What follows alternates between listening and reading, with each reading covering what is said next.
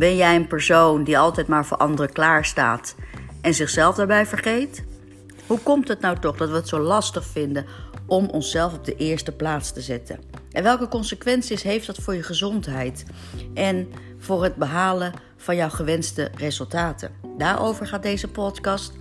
Leer ervan, doe er wat mee. Ik wens je veel luisterplezier. Dag! Oké, oké, laten wij gewoon maar gaan starten en dan kijken we waar het schip strandt of waar we eindigen in ieder geval. Ehm, dus als je er bent, laat me even weten dat je er bent. Je weet het inmiddels als je vragen hebt. Stel de vragen via de chat en dan kom ik er direct bij je op terug. Dat is er toch van een live uitzending hier op onze Facebook community.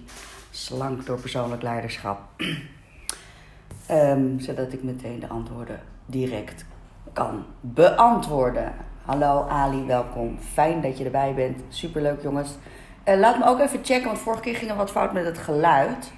Uh, hoe is het geluid nu? Ali, kan je misschien even wat laten weten? Hoe is het geluid nu? Mijn keel is een beetje verrot, maar ik bedoel gewoon het geluid van de computer. Hoe is het geluid? Oh, geluid is goed. Goed, goed, goed, zo. Nou, gelukkig gaan we gewoon lekker beginnen.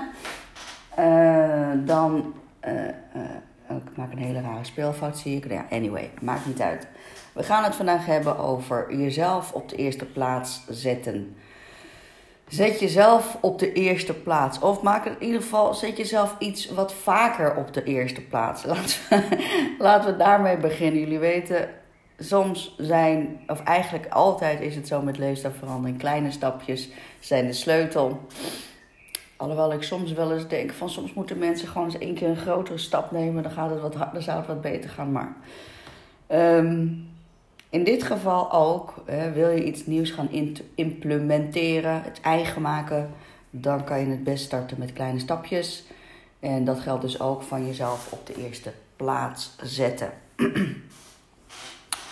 Ik denk dat we eerst moeten eens even moeten gaan, gaan, gaan uh, afvragen wat dat betekent. Wat betekent het om jezelf op de eerste plaats te zetten?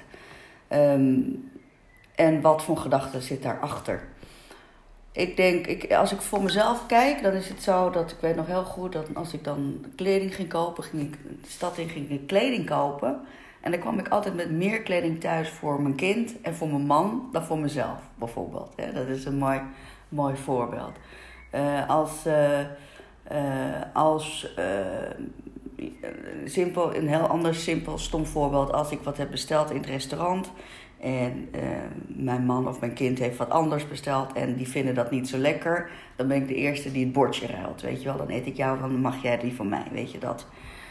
Um, nou, wat voor voorbeelden hebben jullie? Laat eens even, laat eens even kom eens even naar boven. Hè? Dus eh, als eerste, zeg maar, een soort van. Als eerste een soort. Nou, opofferen klinkt altijd een beetje zwaar. Maar wel als eerste van. Uh, jij mag het. Of uh, ik trek me wel een beetje terug. Um, nou, als dat voor jou het geval is. Dan moet je blijven kijken, luisteren. Hoe je hier ook aanwezig bent. ook met deze live. In het algemeen is het wel zo dat we kunnen stellen dat mannen wat makkelijker voor zichzelf opkomen. Hè? Even tussen aanhalingstekens. En, en ik weet dat ik super, super aan het generaliseren ben, maar in het algemeen is dat zo. En vrouwen zijn wat meer opofferingsgezind. Inderdaad, herkenbaar hoor ik hier. Ja, inderdaad herkenbaar, ja. Um, dat heeft alles te maken puur met onze um, genetische um, bouw. Niet bouw, maar genetische, hoe zeg je dat? Aanleg. He, wij zijn als dames en hoe feministisch je ook wilt zijn, we zijn in basis gewoon anders dan mannen. En misschien, ik denk wel eens als we zo streven naar gelijkheid en, en uh, ja, dan denk ik ook wel eens misschien moeten we streven naar het erkennen dat er gewoon ongelijkheid is. volgens mij, ik, ik ben de laatste tijd heel erg bezig met acceptatie en volgens mij is, is dat, kunnen we daar sneller een soort van vrede mee ontwikkelen met onszelf en, en met andere mensen. En misschien wel met de hele wereld. Dan maar continu hameren op alles moet gelijk zijn. Alles moet, moet allemaal gelijk behandeld worden. Nou, gelijk behandeld worden. Maar in ieder geval met respect behandeld worden, natuurlijk. Maar er is gewoon ongelijkheid. Weet je wel, man, vrouw, kleur, etniciteiten, geloof, overtuigingen. Er is gewoon ongelijkheid. Laat, misschien moeten we dat eens gewoon, gewoon gaan erkennen dat dat zo is. Nou ja, anyway. Uh, even terug, Mira, naar, uh, naar waar we mee bezig waren. En dat was dus voor jezelf opkomen. Uh, dus mannen hebben wat makkelijker dat ze zeggen: we komen wat makkelijker, we, we, we, staan voor, ik heb, ben het waard als het ware. Dat zie je bijvoorbeeld al alleen al aan de alleen al aan het salarisverschillen. Hè? Zelfde functies, man-vrouw, man verdient meer. Um, um, genetisch, eh, dat was ik aan het vertellen, vrouwen hebben, hebben toch een soort van, of een soort van, die hebben meer een zorg, ja, hoe zeg je dat nou? Een zorg um, impuls als het ware in zich. Het, het, het, het, iedereen naar de zin maken. Ik sprak gisteren een klant en die had een vrijgezellen uh, uitje in Ibiza. ja, zo gaat dat tegenwoordig. En um, die vertelde, dat waren dan vier, nee, dat waren tien meiden bij elkaar. En die tien dames, ze zegt, meest genoot ik ervan dat iedereen het zo goed met elkaar kon vinden. Dat is toch mooi? Hè? Dus een vrijgezellen ding voor haar georganiseerd. En zij hoefde niks te doen en ze was helemaal, helemaal in de watten gelegd, helemaal leuk. Maar ik vroeg dus haar van wat vond je nou eigenlijk het mooiste van dat hele gebeuren. Toen zei ze eigenlijk het mooiste vond ik wel dat die tien dames die elkaar niet allemaal even goed kennen, het zo goed met elkaar konden vinden. En je ziet dus eigenlijk ook zo'n mooi voorbeeld, dat, hè, dat zit in hele kleine dingen, dat we het heel graag iedereen naar de zin maken. Het, het iedereen naar de zin maken geeft ons mensen, maar vooral ons vrouwen, een goed gevoel. Um, iedereen die moeder is, die gewenst moeder, nou ja, ook, nou ja, laat ik me even gewoon uitgaan dat iedereen van zijn, die moeder is van zijn kinderen houdt. Er zijn natuurlijk, ik las weer een heel naar bericht, maar goed, anyway, laat ik daar niet over beginnen. Uh, iedereen die moeder is en van zijn kind houdt, die weet precies wat je bedoelt met onvoorwaardelijke liefde. Onvoorwaardelijke liefde, oftewel zonder voorwaarden. Zonder als jij dit, dan doe ik dat. Onvoorwaardelijke liefde. En persoonlijk denk ik, persoonlijk denk ik dat dat alleen naar je kind kan zijn. Ik vraag, ik heb dat wel eens met Ad over, Ad mijn man, Ad over van hè, hoe zie jij dat? En hij zegt nee, ik heb ook onvoorwaardelijke liefde voor jou. Dan zeg ik dus van, dus jij zou in een situatie waarin, ja, dat soort gesprekken hebben, wij zijn een beetje vreemd af en toe, maar. Dus ik vraag hem in een situatie waarbij of ik kan overleven of jij kan overleven, dan laat je mij overleven. En hij zegt ja. En dan denk ik in mijn hart, denk ik, je lult. Want je zou zelfs als eerste opstaan. Terwijl ik en dat is dus gewoon vanuit mijn perceptie en heel erg vals van mij. Want dan ben ik gewoon natuurlijk zijn overtuiging aan het, uh, vanuit mijn perceptie, aan het, uh, hoe zeg je dat, aan het uh, niet in te geloven. Terwijl het natuurlijk bullshit is. Hij kan dat misschien wel echt zo geloven, denken, voelen. Um, en in mijn perceptie is het zo dat ik dat wel, dat ik dat voor hem ook niet zou doen. Maar wel voor mijn kind. Onvoorwaardelijke liefde, zonder voorwaarden, zonder mitsen en maren. Wat nu? Wat nu? Als jij dat gevoel wat je hebt voor je kind, voor jezelf kan voelen. Wauw. Alles, alles dus, wat je dan voor je kind zou doen, zou je voor jezelf doen. En dan bedoel ik mee in liefde, in tijd vooral, in tijd vooral, misschien wel de meest kostbare tijdinvestering. Liefde. En ik denk dat tijdsinvestering een vorm van liefde, uiting is. Financiën, dus het goed willen doen. Organiseren. Vooruitdenken voor je kind. Pijn vermijden voor je kind. Al die dingen die zo logisch lijken en, zo, en die je zonder moeite vooral ook doet hè, voor je kind. Je doet het ook zonder moeite voor je kind. Het is iets wat je zelfs met duizend procent liefde voor je kind doet. Want het is onvoorwaardelijk. Maar stel nu dat al die dingen die je voor je kind doet. En mijn dochter is inmiddels 19 en die zit zelf nu in Valencia en die is overwegen om te kijken of ze daar een periode wilt gaan wonen. Dus ik, ik, ben een beetje, ik heb natuurlijk een beetje afstand van de moeders die nu midden in de hectiek van de ochtendspits enzovoort zitten. Hè? Die, die verhalen hoor ik ook. Maar toch, je weet wat ik voel. Er zijn van die momenten dat je dan, dat je dan echt denkt: wat, wat is er belangrijker dan dit? En kan je dat nou voor jezelf gaan voelen? Daar begint, denk ik. jezelf wat meer op de eerste plaats zetten mee. Dat betekent namelijk liefde voor jezelf. Dat betekent dus tijd voor jezelf.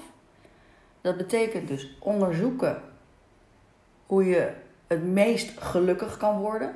Want dat wil je voor je kind ook. Hè?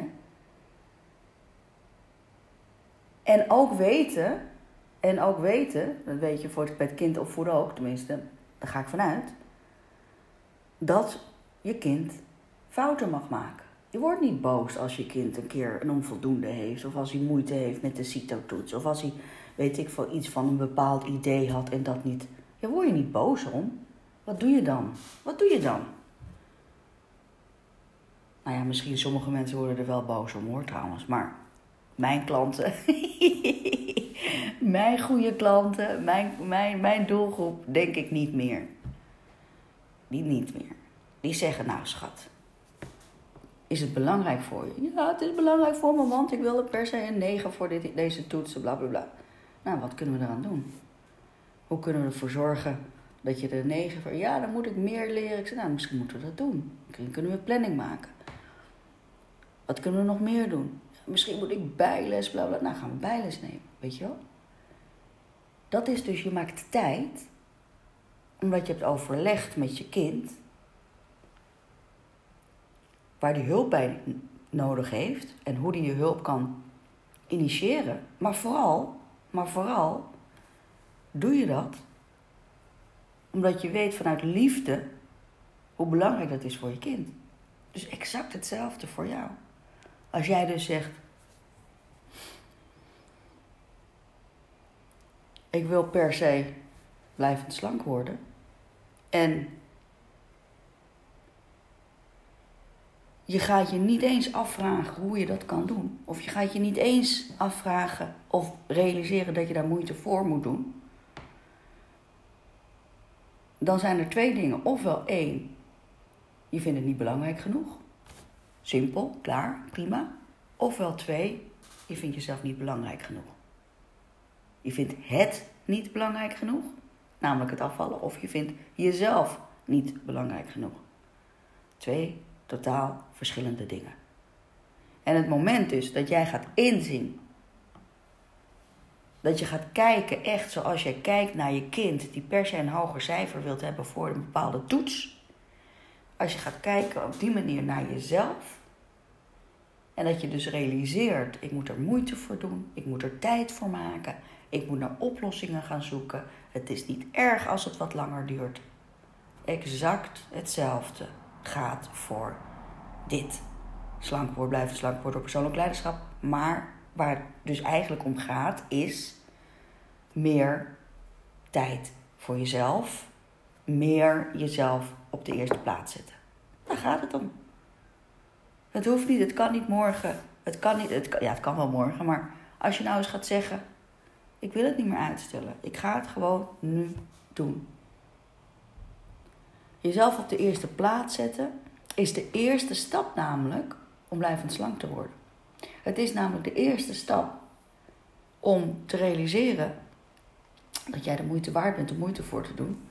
Maar los daarvan ga je realiseren dat, uh, dat je zelf, eh, hoe zeg je dat? Dat jij gezien wordt door jezelf. Zo moet ik, ik weet niet hoe ik het anders kan zeggen eigenlijk. Maar dat jij gezien wordt door jezelf. in plaats van dat jij eerst de wereld om je heen alles fijn en leuk en gezellig maakt. Dat je eerst kijkt en, en, en jezelf ziet. Jezelf ziet in al je behoeftes, en, maar ook in je beperkingen, ook in je krachten. En dan gaat erkennen, hé, hey, fuck it, ik ben gewoon de moeite waard de moeite voor te doen. En dan, natuurlijk ga je dan meer tijd voor jezelf creëren. Natuurlijk ga je dan meer jezelf op de eerste plaats zetten. En wanneer je dat gaat doen, heeft dat zo'n ripple effect, weet je wel? Wanneer je dus jezelf op de eerste plaats gaat zetten, en, en dat kan dus nogmaals heel klein met kleine stappen, dan kan je dus zeggen, weet je wat? Ik ga vanavond uh, niet zorgen dat iedereen het naar de zin heeft, maar ik ga vanavond, zeg ik tegen mijn gezin, na het eten ga ik naar de badkamer, trek ik me terug voor twee uur. Of voor één uur. Ik ben nooit zo van het lange badderen, maar zeg één uur. Voor mij is één uur al heel erg lang. En in dat ene uur ga je gewoon vol bewustzijn jezelf verzorgen. Teennagels knippen, scheren, badje nemen, maskertje nemen, whatever. En je gaat gewoon eens ervaren of je dat zonder schuldgevoel kan realiseren. Kan jij een uur, terwijl je een gezin om je heen hebt, hè, daar gaat het om natuurlijk, kan jij een uur voor jezelf zitten en zeggen: Weet je wat? Het loopt wel los daar in het huishouden naast me. En als jij dat niet kan, dan weet je een beetje hoe het staat. dat je zelf op de eerste plaats zit. Dat betekent misschien, dus voordat je dan die stappen gaat maken, en dan is een uur dus blijkbaar te lang, dan ga je dat dus nog kleiner maken. Dus dan ga je kijken, wat kan ik in een kwartier voor mezelf doen? Kan ik mezelf een kwartier iets gunnen, iets doen voor mezelf? Weet je wel? Een wandeling. Een vriendin bellen zonder gestoord te worden. Sowieso uitgaan met vriendinnen.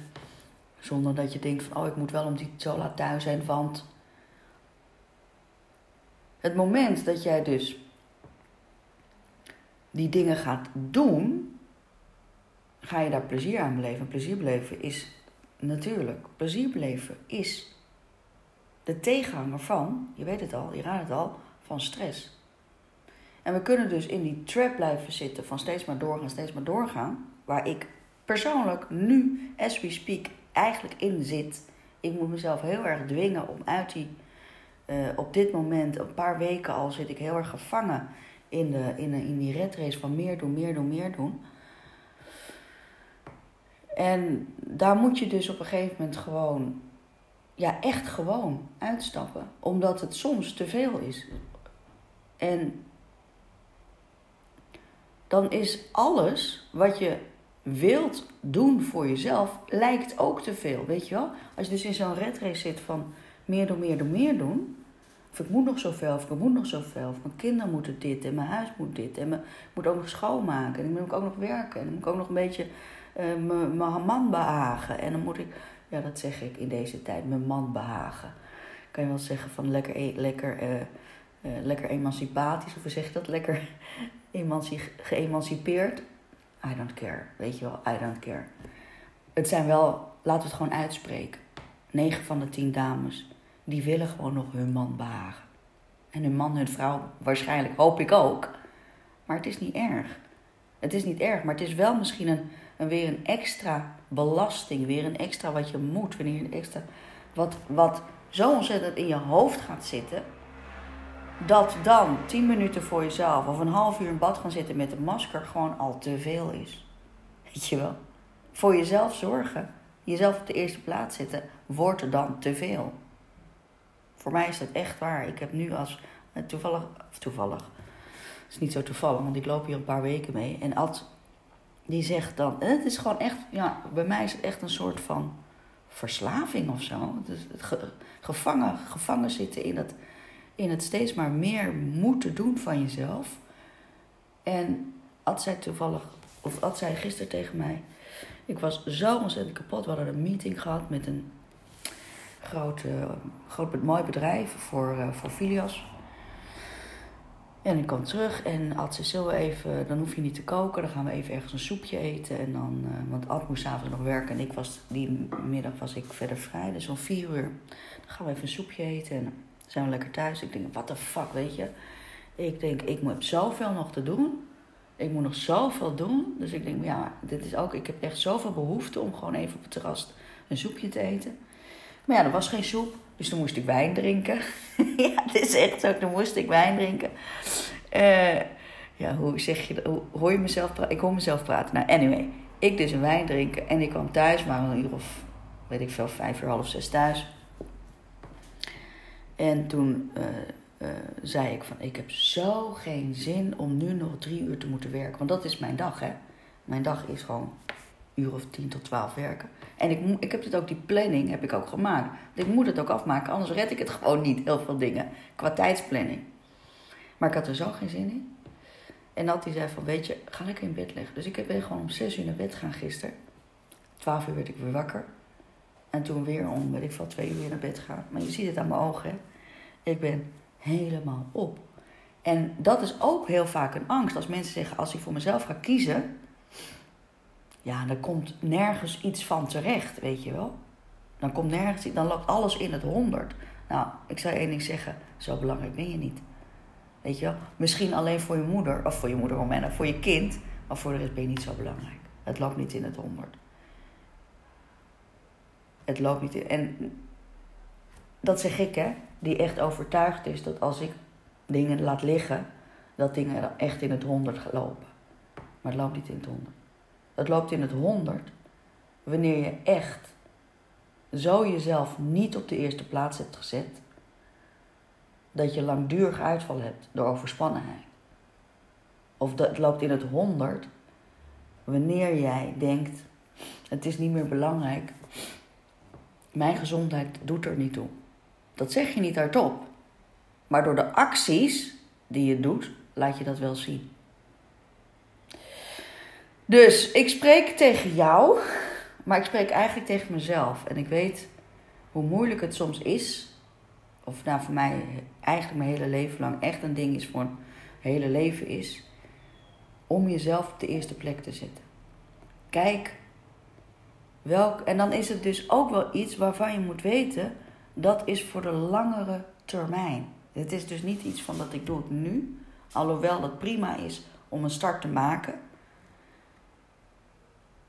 Maar misschien is het wel belangrijk om dan daarvan bewust te zijn. Wat heeft het je opgeleverd? Hoe reageerde je bij? Dus eigenlijk, we kennen de ABC vanuit coaching, hè? de activated event, de A, de B van behavior en de C van consequentie. En eigenlijk ook, zoals ik dat voorbeeld noem van ga eens in bad en je hoort het gezin om je heen gebeuren en ga daar eens mee aan de gang met jezelf, maskertje, badje, teennagels knippen, whatever.